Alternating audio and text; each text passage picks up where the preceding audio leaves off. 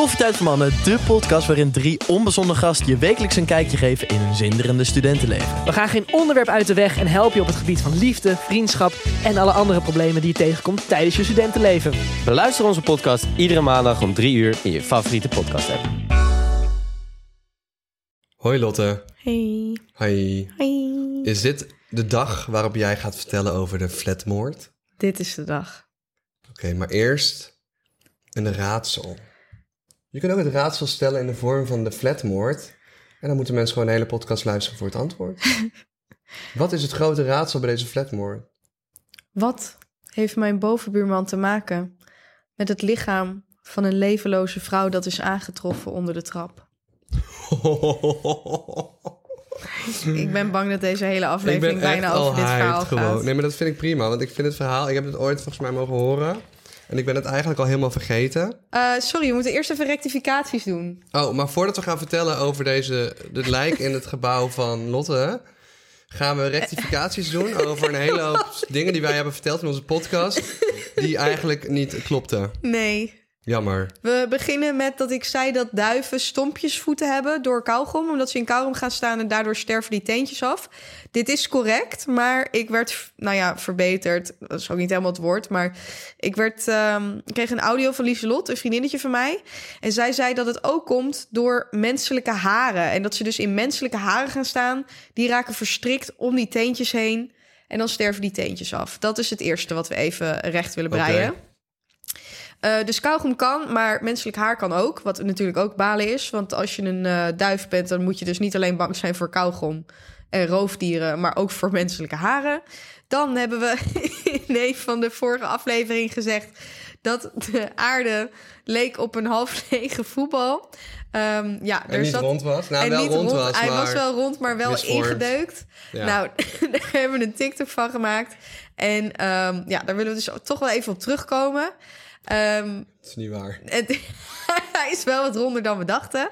De kaart. Sorry, maar ik vind het ook zo dom, aangezien we eigenlijk, ik weet niet hoeveel foto's hebben gezien van de aarde gemaakt van het ruimtestation en van de, of de maan. Nee, nee, maar nee, nee, nee, nee, nee, nee, nagedacht. nee, nee, nee, nee, nee, nee, nee, nee, daar gaan we mis. Want ik vind dit wel nadenken.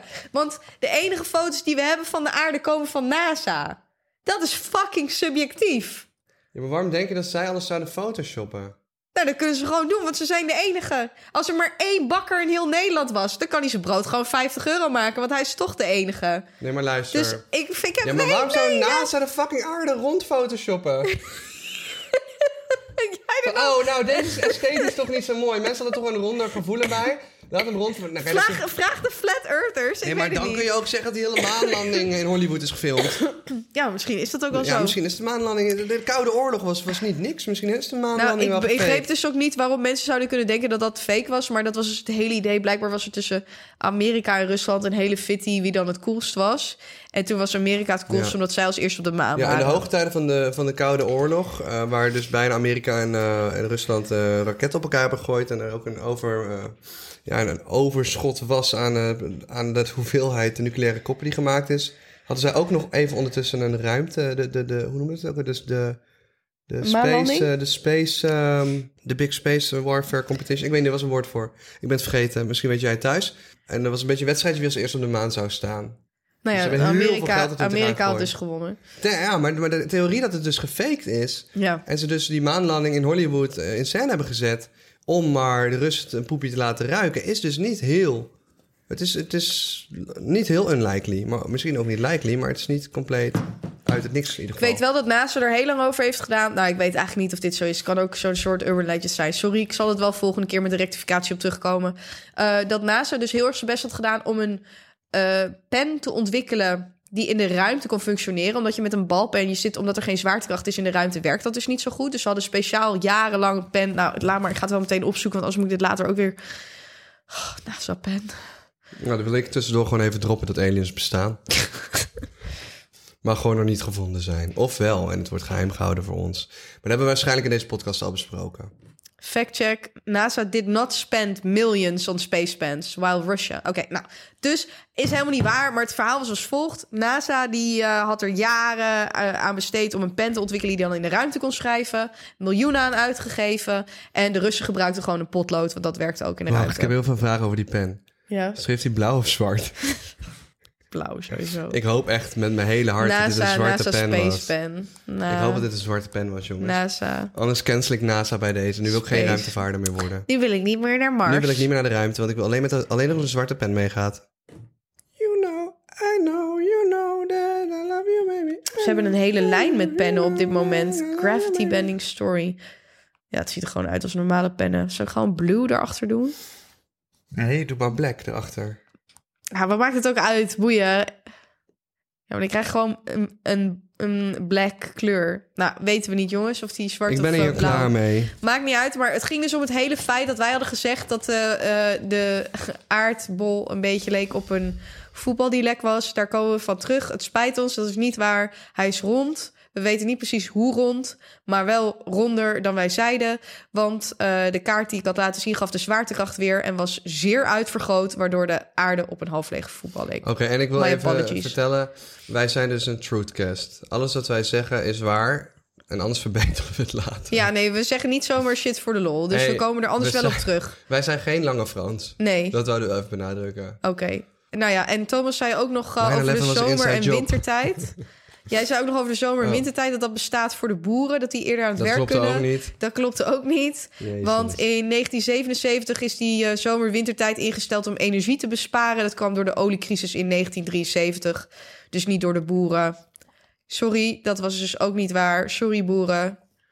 It's not true. Nou. Gaan we ook nog het hele verhaal van de begrafenisondernemer horen? Of doen we dat volgende keer? Volgende keer. Oh, ik vond het zo'n interessant verhaal. Wat doen we de volgende keer? Want Ja, die moet nu- ik even terugzoeken. ik wil nog steeds weten wat jouw buurman te maken had met het lijk. Ja, we komen terug op het verhaal, want eh, een luisteraar van ons had gereageerd. Ehm, ja, we hebben het ooit een keer over de dood gehad en over cremeren en begraven en bla bla bla, ergens aan het begin. En zij had gewerkt in coronatijd als een drager. En eh, dat betekent dat je kist moest dragen naar, van naar een graf. Ehm, maar ze had een hele uitgebreide tekst geschreven en die wil ik graag aan jullie delen, omdat ik het zo interessant vond eigenlijk. Maar dat eh, wordt volgende aflevering. Dan Ja. gaan we nu naar het verhaal Van. van mijn bovenbuurman. Doe. En wat had mijn bovenbuurman te maken met het dode lichaam dat was aangetroffen in het trappenhuis? Dit is zo'n intens verhaal, jongens. Het heeft ook zo lang geduurd voordat ik het hierover ging hebben, omdat ik met de receipts wilde komen, omdat ik bang was dat jullie me anders niet zouden geloven, omdat het zo'n intens verhaal is. En om het verhaal te vertellen moet ik even teruggaan naar het begin. Dit is, eh, dit is niet gebeurd in het eh, complex waar ik tegenwoordig woon. Ik woonde nog in Amsterdam-West. Dit is vijf, zes jaar geleden. In mijn straat vier dezelfde gebouwen. Aan de voorkant van de gebouwen aan de straat zat de voordeur. Aan de achterkant van het gebouw zaten nooddeuren. Er liep er een stukje stoep langs het water. Dus het, eh, het gebouw grensde eigenlijk aan water, maar daar kon je nog wel langs lopen. Ik heb daar 10, 11 jaar gewoond. En dit gebeurde in eh, het ene laatste jaar dat ik daar woonde. Ja. Dus ik kende mensen daar wel. Want ja, ik woonde er al heel erg lang. Had ondanks het feit dat je op het spectrum zit wel wat vriendjes gemaakt. Ja, ondanks dat had ik wel wat vriendjes gemaakt... die waarschijnlijk ook een beetje op het spectrum zaten. Waren Maar- ook al, eh, waren Manko en Persik toen al in Ja, tuurlijk waren ze al in mijn leven. Die, zijn, die waren er vanaf dat ik 16 was. Dus die waren top. er ook. Ja, ja, ja. Hoe hoeveel jaar is het geleden zijn nou precies? Vijf, zes jaar geleden. Vijf, zes jaar geleden. En ehm, nou, ik had een, een bovenbuurman. Hij woonde een paar verdiepingen boven mij. En ik eh, heb zijn nummer dus niet meer. Dus ik ga even een andere naam geven. Want ik, ja, ik denk dat hij het helemaal prima zou vinden als ik dit verhaal ga vertellen. Maar ja, ik kan niet verifiëren. Dus hij heet, in dit verhaal heet hij Mark. En Mark was een man van middelbare leeftijd. Ik denk, eh, nou ja, rond de 55 ongeveer. En hij had een, eh, een kat, een ginger. Deze kat heeft helemaal niks met het verhaal te maken. Maar even om de feeling te krijgen, om kennis te maken met Mark. Ik krijg nu wel het gevoel van een soort villain met een ginger cat. Ja, en Hoe zag hij eruit, Mark? Ehm, ja, een beetje, een beetje grijzende krulletjes. Hij eh, droeg eh, eigenlijk altijd dezelfde outfit. Dus alleenstaande man. Alleenstaande man. Oké. Ehm, en die, wat voor werk deed hij bijvoorbeeld? Nou, hij was afgekeurd om te werken. Of in ieder geval om volledig te werken. Maar hele lieve man, altijd heel vrolijk. En hij liep dus buiten met zijn kat altijd. Want zijn kat die werd een soort van uitgelaten. Dus dan gingen zij samen een rondje lopen zonder riempje. En die kat die liep gewoon achter hem aan. En dan deden ze samen een rondje. Maar omdat Mark...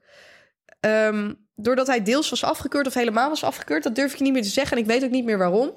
had hij niet zoveel te doen met zijn tijd. Dus wat Mark deed als hij dus nou, overdag niks te doen had, is dat dan ging hij op vuilnis vissen, wat achter ons complex dreef. Want wij woonden aan het water. Dus hij had een groot visnet.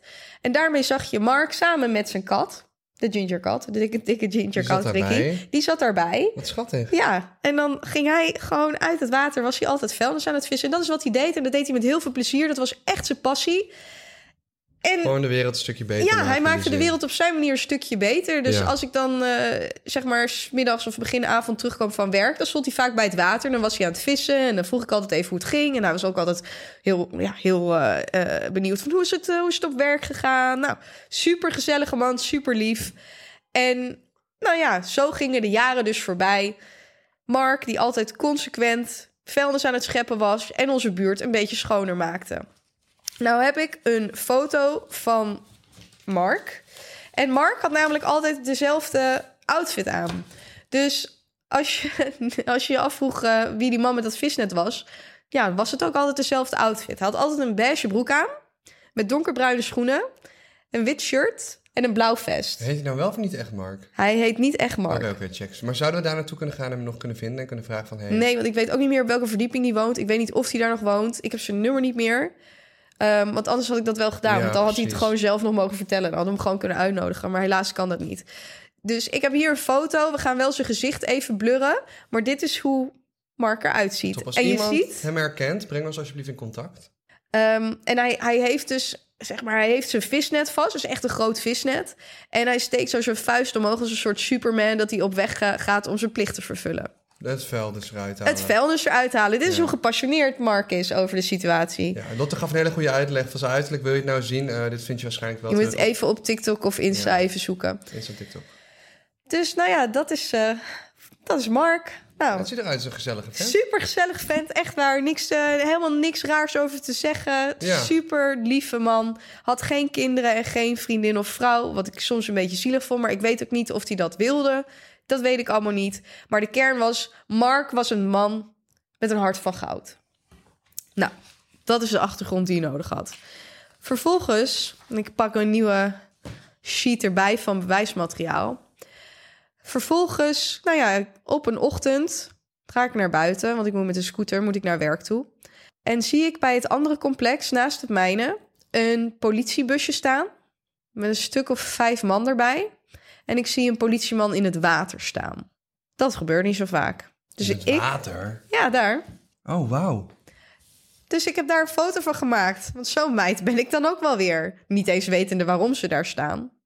Wacht Ik even. ga stuk om hoe gedetailleerd alles Nee, want ik moet echt. Het probleem is, is dat dit verhaal is zo. ehm, ja, het is zo crazy. Dat ik dus niet. ehm, ja, ik, kon niet, ik kan hier niet aankomen zonder de receipts. Dus nou ja, ik heb een foto gemaakt van die politiebus, niet wetende wat er nou ehm, precies speelde. Maar dat werd mij even later op het internet duidelijk gemaakt. Want vervolgens komt er een artikel online waar staat. Sorry, ja, het is niet grappig, maar het is zo random. Vechtend trio op Amsterdams politiebureau leidt agenten naar dode vrouw. Drie mannen, waaronder M, kwamen. M is, het, eh, ehm, is in dit geval de eh, verdachte. Drie mannen, waaronder M, kwamen ruziend het politiebureau. Nou ja, dit is van de locatie. Luister, als je dit verhaal gaat googlen, kan je het echt wel vinden. Maar dat ga ik allemaal niet bij zeggen. Kwamen ruziend, ruziend het politiebureau binnen. Een van hen werd ervan beschuldigd dat hij een vrouw zou hebben omgebracht. Toen de politie ging, een kijkje ging nemen bij het wooncomplex aan de mm-mm-mm-straat, werd het lichaam gevonden. De zaak dient volgende week vrijdag voor de rechtbank. Dus ik denk, damn. Dus dat was in mijn straat. Maar wat deden zij bij dat water dan? Dus eigenlijk hebben ze een soort van al ruziend heeft iemand zich aangegeven. Ja, drie mannen. Dus dit is, dit is gebeurd voordat de politie daar was. Dus mijn, eh, mijn eh, foto van de politie is natuurlijk later genomen. Ja. Maar de hele aanleiding daarvan was dat drie mannen ruzie in het politiebureau binnenkwamen. En dat twee van die mannen over een andere man zeiden... Jij hebt iemand vermoord. Check. Dus ik denk, nou, that's crazy. Niet leuk ook, als wat in je straat gebeurt. Sowieso niet leuk als er iemand vermoord wordt. Nee. Maar ja, je vraagt je natuurlijk ook een beetje af van... jeetje, wat is er in godsnaam gebeurd? Ben ik nog wel veilig als ik op straat loop? Nu komt nu komt het. Ja, waarom zit ze in het water te vissen? Waarom zijn ze in het water aan het vissen? I don't know. Maar ja, er gaan een paar dagen voorbij. En ehm, nou, ik leef mijn leven. En op een gegeven moment hangt er een poster in onze straat. En ik moest even wat dingen wegbliepen. Op donderdag, puntje, puntje, puntje... werd in het halletje van het woningcomplex... het levenloze lichaam gevonden van... puntje, puntje, puntje, ik ga haar naam niet noemen... Zij is vermoedelijk door een misdrijf om het leven gekomen. Vervolgens zit er een foto bij. En de foto is, de foto is, Die foto. de foto is genomen eh, vanuit het gangetje Naar buiten toe. naar buiten toe. Ja. En eh, je ziet buiten iemand in een lichte broek staan met donkere schoenen En een, en een blauw vest aan en een visnet. Nou ja, het lijkt op een bezem, maar... Nou ja, of een, of een, of een stok in zijn rechterhand. Het lijkt maar ja, op een visnet. als Wij jij, weten, ja. als jij Mark kent, dan weet jij, dit is Mark die naar vuilnis aan het vissen is. Er staat onderaan de foto. Ten behoeve van het onderzoek heeft het onderzoeksteam van de politieeenheid. Nou ja, ik heb, ik heb dus echt, echt heel veel bewijs hier, maar ik heb dus niet het belangrijkste bewijs helemaal goed gefotografeerd. Ehm, heeft het onderzoeksteam van politie-eenheid puntje, puntje, puntje. De persoon op de foto staat bij de nooduitgang aan de achterzijde van de woning. Donker haar, lichtkleurige broek, donkere jas en donkere schoenen. Wie herkent deze man op de foto en of heeft deze persoon op donderdag puntje, puntje rondom het woningcomplex gezien? Of herkent u uzelf op de foto? Heeft u informatie? Neem dan contact op met de politie-eenheid Amsterdam. Met een foto erbij van Mark. Ja. Arme Mark wil En alleen ik- maar afval scheppen. Ja. En ik, mijn hart breekt. Want er is niks in, in mijn hoofd wat denkt... Mark heeft iets te maken met dit levenloze lichaam wat is gevonden. Niks. Ik weet, Mark is het vuilnis aan het scheppen. En die camera die dus bij die nooduitgang staat... die heeft Mark gefilmd. En eh, ja, misschien denken ze dat Mark een wapen vast heeft... of dat Mark hier iets mee te maken heeft... maar Mark heeft hier niks mee te maken. En ik denk, oh my god. Arme Mark. Wat moet je doen, To, in zo'n situatie? Ja, naar Mark gaan. Precies. Nou ja, Mark stond gewoon op vuilnis te vissen nog steeds. Die stond buiten. Dus ik ga naar hem toe. En ik zeg, Mark, ik zeg, heb je die posters gezien? Zij zo, ja, ik heb ze gezien. Ik zeg, heb je de politie al gebeld? Nee, nee, ik durf niet. Ik zo, Mark, je moet de politie bellen. Straks denken ze dat jij hier iets mee gedaan hebt. Hij zo, ja, nee, ik durf niet, ik durf niet. Ik zo, ja, maar je hebt toch niks gedaan? Ja, nee, nee, nee, ik heb niks gedaan, ik heb niks gedaan. Ja, Mark was bijna in een soort van paniek. Omdat hij bang was dat er een soort moord in zijn eh, schoenen geschoven zou worden. Dus ik zei van, je moet echt bellen, Mark. Ja, nee, ik ga het doen, ik ga het doen. Maar ja, ik ben een beetje bang. Ja, ik zou ook een Oh. beetje bang zijn. Want ja, wat als er ineens allemaal foto's van jou hangen... van ja, eh, levenloos lichaam gevonden. Meld je even bij de politie. Ja. Dus eh, nou ja, hij uiteindelijk de politie bellen.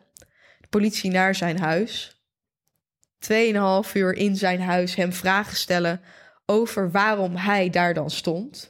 Dus hij zo, ja, ik was vuilnis aan het scheppen. Dat doe ik hier altijd.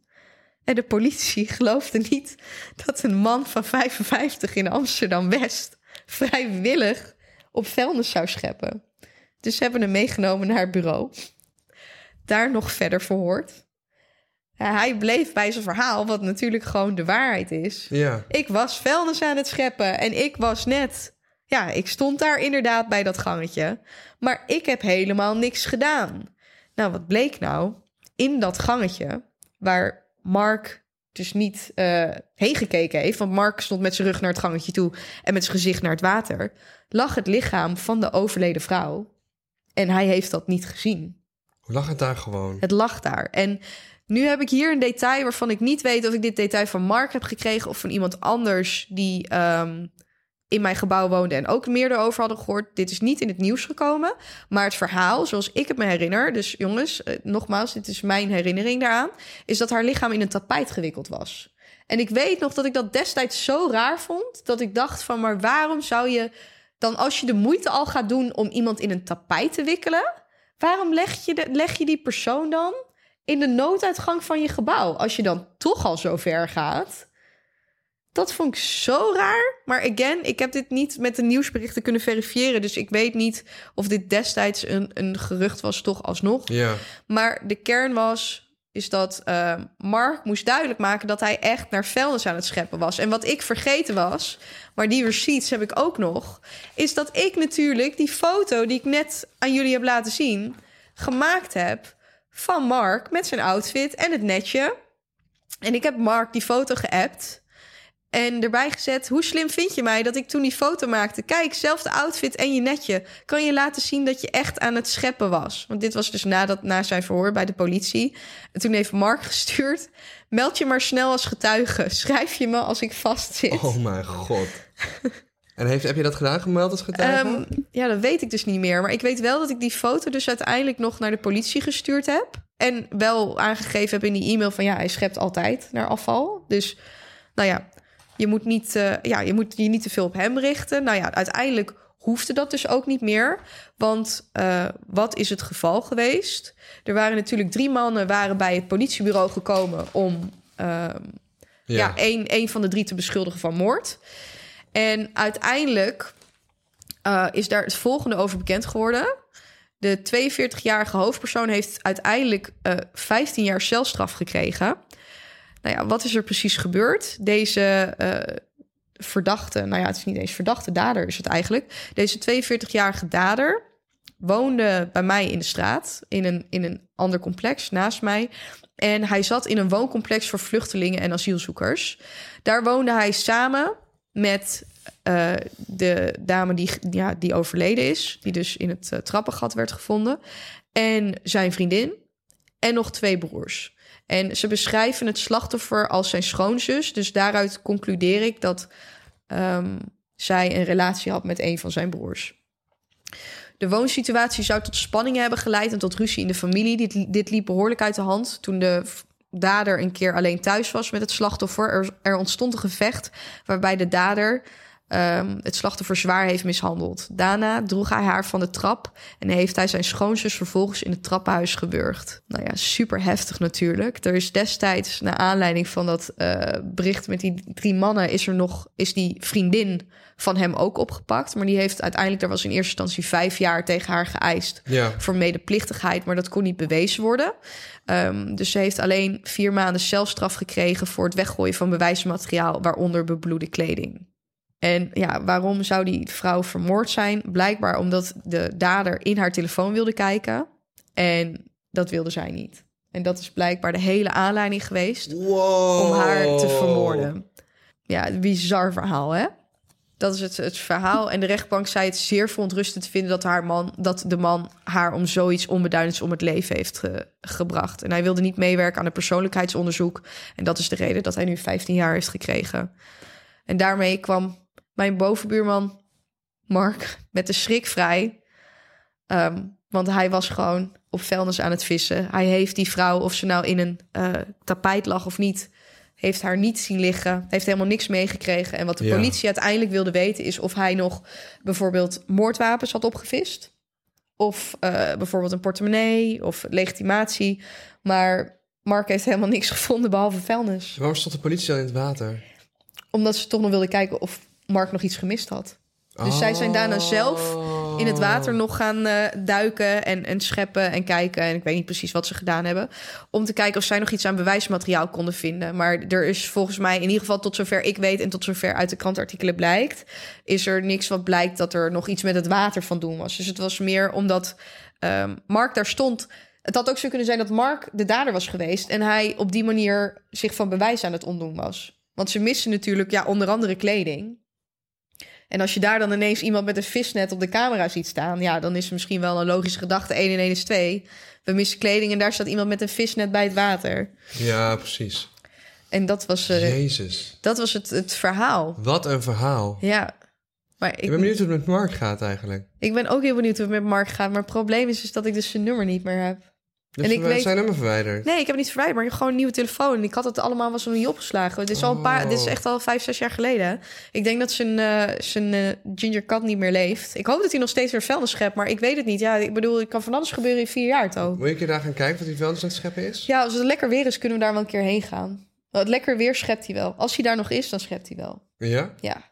Je weet zeker dat hij me nog herkent. Hij is ook altijd heel vrolijk. Het was echt een hele leuke, gezellige man. Wat de hel? Ja. En hij zat bijna vast voor een ja, moord die hij niet gepleegd zielig, had. Zo zielig. Ja, bizar hè? Maar ja, ik had deze receipts wel nodig. Dus het probleem was is dat ik door al mijn harde schijfinformatie en dergelijke heen moest. Ik moest nagaan wanneer was deze moord gepleegd. Want het moest rond die periode zijn geweest. Nou, en eh, hier zijn we met alle receipts. Dus eh, jongens, ik woonde echt in deze straat. Dit is een waar gebeurd verhaal. En het is vreselijk dat je vermoord moet worden... omdat je je mobiel niet aan iemand wil laten zien. Dat is echt... eh, Ja, wat de hel. dat, is, dat is te gek voor woorden. Wat de hel. Maar dat is het, eh, ja, dat is het verhaal wat ik eh, ja, nog aan jullie moest vertellen. En daarmee is bijna al een eind gekomen aan deze aflevering. Jezus Christus. Dit is een DM die we nog gekregen hebben. Yo, ik heb een vraagje. Hebben jullie ooit in je broek geplast? Misschien wel een leuk onderwerp om ooit in de podcast over te hebben. Oh, ik heb wel eens in mijn broek geplast. Zeg maar toen je niet een kind was. Eh, ik heb een keer expres in mijn bed geplast. Waarom? Maar mijn broer plaste altijd in zijn bed. En, en toen had hij een plaswekker toen hij heel klein was. En toen wilde ik ook weten hoe dat was om in je bed te plassen. Eh, want ik denk dat hij, hij kreeg daardoor heel... Daar ging daar heel het over. Dus volgens mij was er gewoon veel aandacht voor het feit dat mijn broer zijn bed plaste. Met, even side note voordat mijn broer boos werd. Hij was echt een klein kind. Eh, en toen heb ik ook in mijn bed geplast. Gewoon om te kijken Hoe oud was jij hoe toen? dat was. Ik, ik denk, mijn broer zal denk ik dan acht zijn geweest en ik zes of zoiets. Oh, ja. Of misschien nog jonger. Geen Misschien idee. nog wel jonger. Maar toen heb ik expres mijn bed En hoe was het om in bed te plassen zo, zo bewust? Ja, nee. Nee? Gewoon warm en nat en een no-go. Nee, niet, eh, niet Ik aan te kan beter in de zee poepen. ik kan beter in de zee poepen. Ik had wel toen ik laatst in laatst, eh, weet ik veel, acht maanden geleden in Londen was. Toen moesten Ja. we naar het vliegveld en toen was er een opstopping in het verkeer.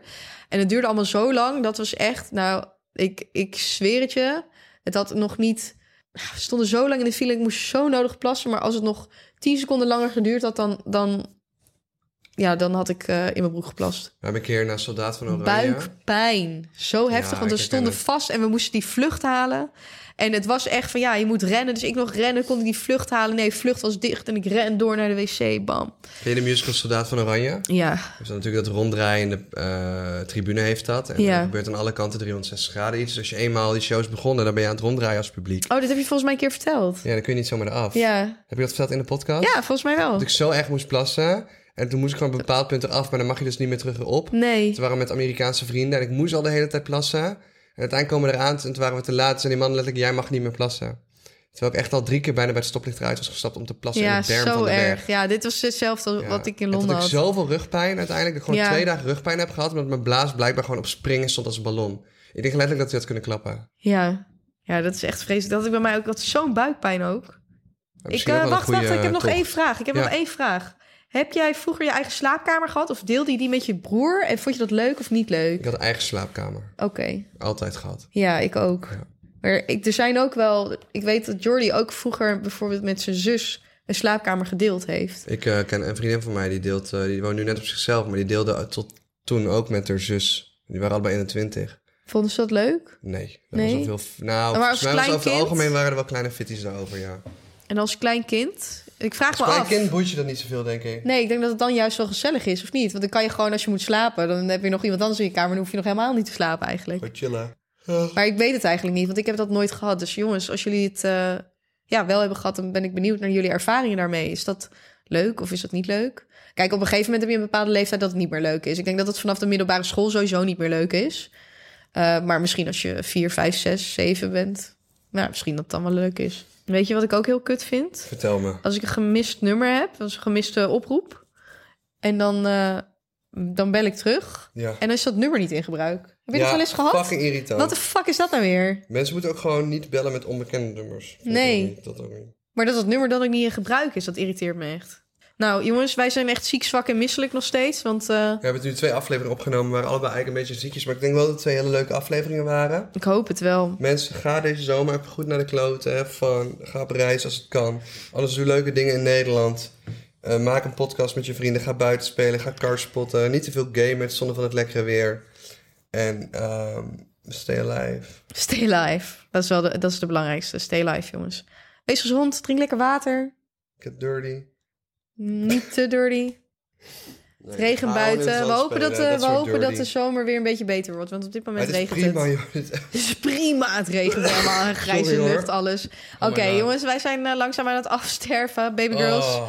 Thanks voor het luisteren. We zijn eh, volgende week weer terug met een nieuwe podcast. En hopelijk voelen we ons dan allebei ietsje beter. Papies, ik hou van jullie. Als we op één staan of zo. oh ik my hou god. van jullie. Ja, we staan nu op drie. Crazy. Dit is echt bizar. Ik hou van jullie echt. Next level. Let's fucking go, bitch. Oké, doei baby girls. Doei, baby girls. En eh, je mag in mijn DM slijden. Ook als je mama bent. Dames en heren en mama's. Hij discrimineert niet. Nou, oude mannen met de M vind ik dus helemaal niks. Nee, wat Dat is, hoeft- eh, dat hoeft een- helemaal niet. sugar daddy is voor jou? Dat hoeft helemaal niet. Hoeft niet? Oké. Nee, dan ga ik wel arm dood. Oké. Dag. Doei.